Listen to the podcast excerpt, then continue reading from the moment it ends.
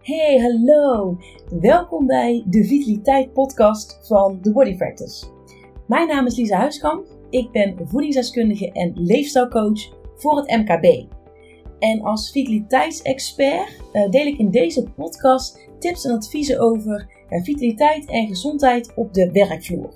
Nou, ik kan dan denken aan thema's zoals voeding, lichaamsweging, balans, uh, slaap, ontspanning, maar ook stress en werkdruk. Soms doe ik dit alleen en soms met een gast. Ik wens je heel veel luisterplezier. Wist jij dat een uh, gemiddelde kantoormedewerker zo'n 80 mails per dag krijgt? Ik vind dat best wel schokkend. Ik, uh, ik vind dat best wel veel. En ik sprak laatst een HR-manager van een van mijn opdrachtgevers. En zij gaf aan dat de mailbox dus een van de grootste stressoren is onder hun medewerkers. En het is zelfs dus zo erg dat medewerkers opzien tegen hun vakantie, omdat ze dus weten dat er daarna echt een overvolle mailbox op ze staat te wachten. Dat is best heftig, toch? Dat je gewoon ja, opkijkt tegen je eigen vakantie, omdat je weet wat er daarna dan weer op je te wachten staat. En hoe, uh, hoe zit het bij jou? Krijg je ook spontaan vlekken in je nek als je op maandagochtend je e-mail eh, opent? Nou, e-mail zou natuurlijk een tool moeten zijn om ja, de communicatie binnen je bedrijf te vergemakkelijken. Maar ja, dat is het dus schijnbaar in heel veel gevallen niet meer. En we besteden ook best wel veel tijd aan onze e-mail. En ja, laten we eerlijk wezen, daar komt natuurlijk onze productiviteit en onze stresslevels niet bepaald ten goede.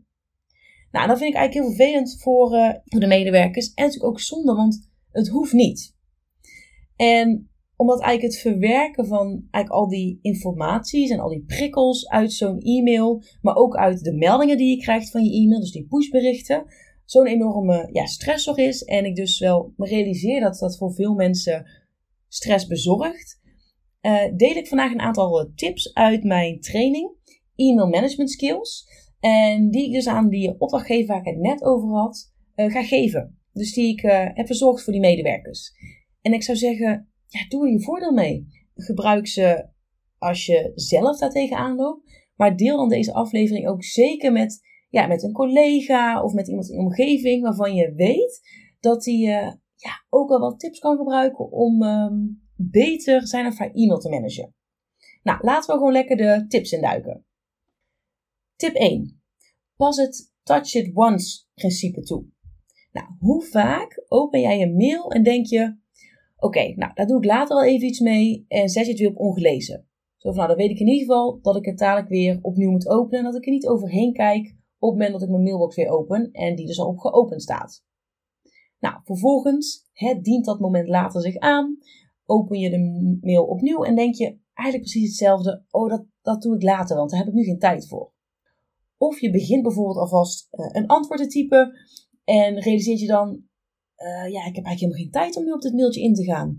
Nou, en eindigt deze, dit antwoord dan in je concepten. Vervolgens heb je dan eigenlijk al drie keer deze mail aangeraakt, als het ware, zonder hem eigenlijk af te handelen en te archiveren. En het zijn eigenlijk precies dit soort momenten en dit soort situaties die dus eigenlijk zorgen voor onnodige stress. Want elke keer verlies je toch weer wat tijd aan dat je weer opnieuw iets met die mail doet.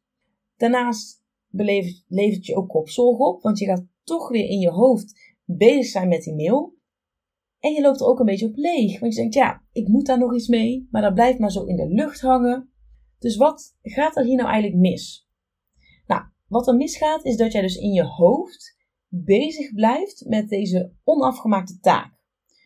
En die onafgemaakte taak is dan dat je die mail opent en denkt, daar doe ik later iets mee. Ook al uh, wanneer je dus eigenlijk niet meer met je mail bezig bent, dus stel je voor je hebt je mail geopend, je gaat vervolgens verder met de rest van je dag, zit dat nog steeds in je hoofd, want je hebt die taak niet afgesloten. En je kan het eigenlijk vergelijken met um, de verschillende tabbladen op je computer. Dus stel je voor, je hebt inderdaad internet geopend en je hebt verschillende tabbladen op je browser openstaan. En je bent eigenlijk niet echt actief bezig met elk tabblad dat is geopend. Maar ze staan wel open op je computer. En je bent eigenlijk bij zo'n onbeantwoorde mail als het ware nog bezig met dat tabblad dat open staat. Terwijl je daar eigenlijk niet meer mee bezig bent. Dit kost natuurlijk heel veel energie en is niet alleen uitputtend, maar ja, ook dus heel stressvol. Want op de achtergrond is je hoofd nog steeds onbewust bezig met die ongeopende mail. En tegen de tijd dat je het mailtje eindelijk beantwoordt, heb je dus al drie of vier keer aangeraakt. Nou, herken jij jezelf hierin? dat je die mailtjes dus meerdere keren opent, aan een antwoord begint en dan toch niet afmaakt. Je denkt, oh, dat doe ik later wel. Nou, als je jezelf dus hierin herkent, probeer dan het touch it once principe toe te passen. En laat me eens even uitleggen hoe dit werkt. Nou, stel, je hebt uh, eh, 40 mailtjes, maar je hebt geen tijd om elke mail te behandelen. Nou, op het moment dat je jouw mail opent, probeer dan die 40 uh, mails te uh, categoriseren en alvast naar een mapje te slepen waar je er later wat mee kan. Want zo ben je alweer sowieso een stap verder. En gebruik als vuistregel, als het minder dan 5 minuten duurt om iets met deze mail te doen, dan doe je het meteen. Duurt het langer, dan ja, beslis je om die mail in ieder geval vooruit te helpen. Dus bijvoorbeeld door hem te archiveren en in een bepaald mapje te stoppen. Uh, dus te verplaatsen hè, voor later. En plan je er later ook echt een moment in om er dus weer naar te kijken. En zo voorkom je dat je het in ieder geval dat je er maar in je hoofd mee bezig blijft. En help je het mailtje als het ware ja, vooruit in plaats van dat het zo ja, blijft hangen. Tip 2. Short and sweet. Ja, we kennen allemaal wel die ene collega die echt lappen tekst in zo'n mail zet. En dat echt de moed je in de schoenen zinkt op het moment dat je die mail opent en dat je drie of vier of meer alinea's ziet. Ja, dat begrijp ik heel goed. Waar het vaak misgaat is dat we eigenlijk de neiging hebben om onze boodschap of ons verzoek of vraag waarmee we, waarom we eigenlijk die mail versturen, om die zo ja, op te bouwen en in te kleden. En vaak is die opbouw helemaal niet nodig. Want wat blijkt nou? Dat mensen uh, die opbouw, bijvoorbeeld die inleidende alinea, dat ze die heel vaak gewoon skippen. En dat ze eigenlijk van nature direct in zo'n mail gaan scannen.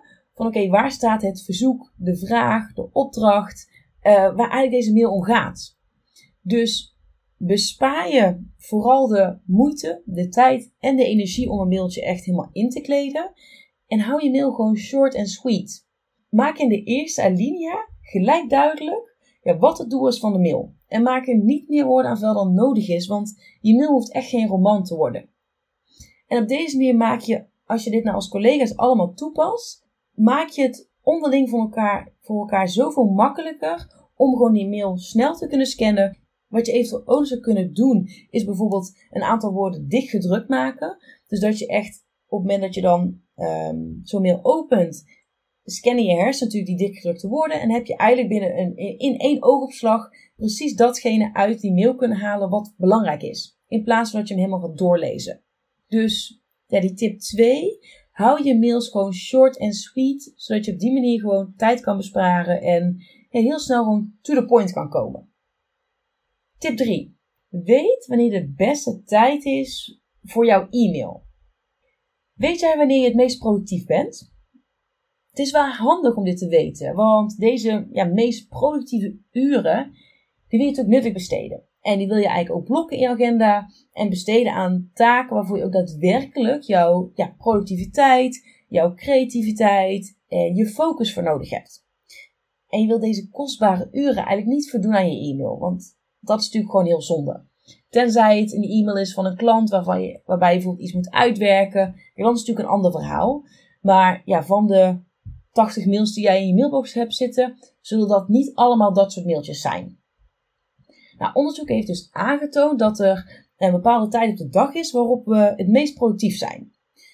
Um, nou wil ik er wel gelijk een kanttekening bij plaatsen dat het natuurlijk voor iedereen wel verschillend is. Um, of in ieder geval, dat kan verschillend zijn. Maar ja, uit dit onderzoek is het toch wel een, um, ja, een rode draad te herkennen.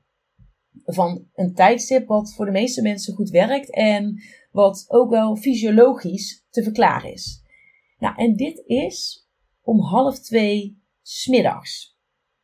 Best wel opmerkelijk, vind je niet? Want je zou denken dat net na de lunch, hè, half twee is toch wel net na de lunch, dat het eigenlijk niet de meest ideale tijd is om echt ja, volledig op die productiviteit te kunnen leunen. Maar laat me uitleggen waarom het dus wel het geval is. Uh, en welke fysiologische redenen hier dus achter zit. Want dit heeft namelijk te maken met je biologische klok. Wij hebben allemaal een uh, interne 24 klok uh, in ons lichaam. En die klok die zorgt er eigenlijk voor dat ons lichaam weet wanneer het tijd is om te rusten. Hè, wat dus s'avonds en s'nachts is. En wanneer het tijd is om ja, actief en productief te zijn. Wat dus overdag is. Voor eigenlijk een goede afstemming van, van onze biologische klok is er onder andere daglicht nodig. En want dit geeft ons lichaam namelijk inzicht in ja, welk moment van de dag het is en wanneer we dus het meest productief moeten zijn, maar ook het meest actief. Nou, en net na de lunch is dus doorgaans zo'n piekmoment in onze biologische klok. En dat is dus ook het moment waarop we het meeste aanstaan. En waarop we de meeste focus hebben, creatief bezig kunnen zijn en dus ook het meest productief zijn. En je kunt dus het afhandelen van je mail ja, beter niet inplannen op zo'n moment, Um, omdat je dan eigenlijk het meest productief bent en dat dus liever, hè, dat vul ik even voor je in, maar waarschijnlijk liever aan andere taken wil besteden. Waarvoor je dus echt productief en creatief moet zijn. In plaats van dat je die kostbare tijd en energie ja, verdoet, als het ware, tussen aanhalingstekens, aan je e-mail. Nou, dit zijn drie tips die ik uh, die graag wil geven. Het zijn, zoals je ziet, ja, verschillende soorten tips over uh, de inhoud van je mail, maar ook het moment waarop je natuurlijk je mail het beste kan checken tot hoe je je mail het beste kan checken. Ik heb um, uit de tips die ik in die training heb opgenomen, dus een aantal tips gefilterd, zodat je op een andere manier met jouw mail kan omgaan. En ik hoop dat deze, deze tips waardevol voor je zijn. Zoals ik al zei, probeer ze zelf toe te passen als je tegenaan loopt. Maar deel deze aflevering zeker met iemand waarvan je denkt: Goh, nou, die krijgt wel niet zoveel stress van zijn, e van zijn mailbox. Die kan hier wel eens eh, mee geholpen zijn.